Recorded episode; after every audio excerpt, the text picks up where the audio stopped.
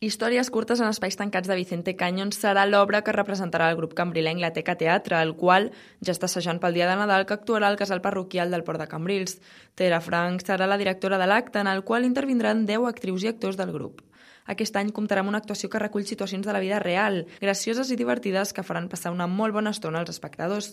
L'actuació s'estrenarà el dia de Nadal, tot i això es repetirà el dissabte 30 de desembre durant el vespre i per cap d'any a la tarda. A més, els dies de la Fira 2024 es podrà tornar a veure. A banda d'històries curtes en espais tancats, la Teca s'estén per diverses poblacions de la comarca per fer-ne altres obres.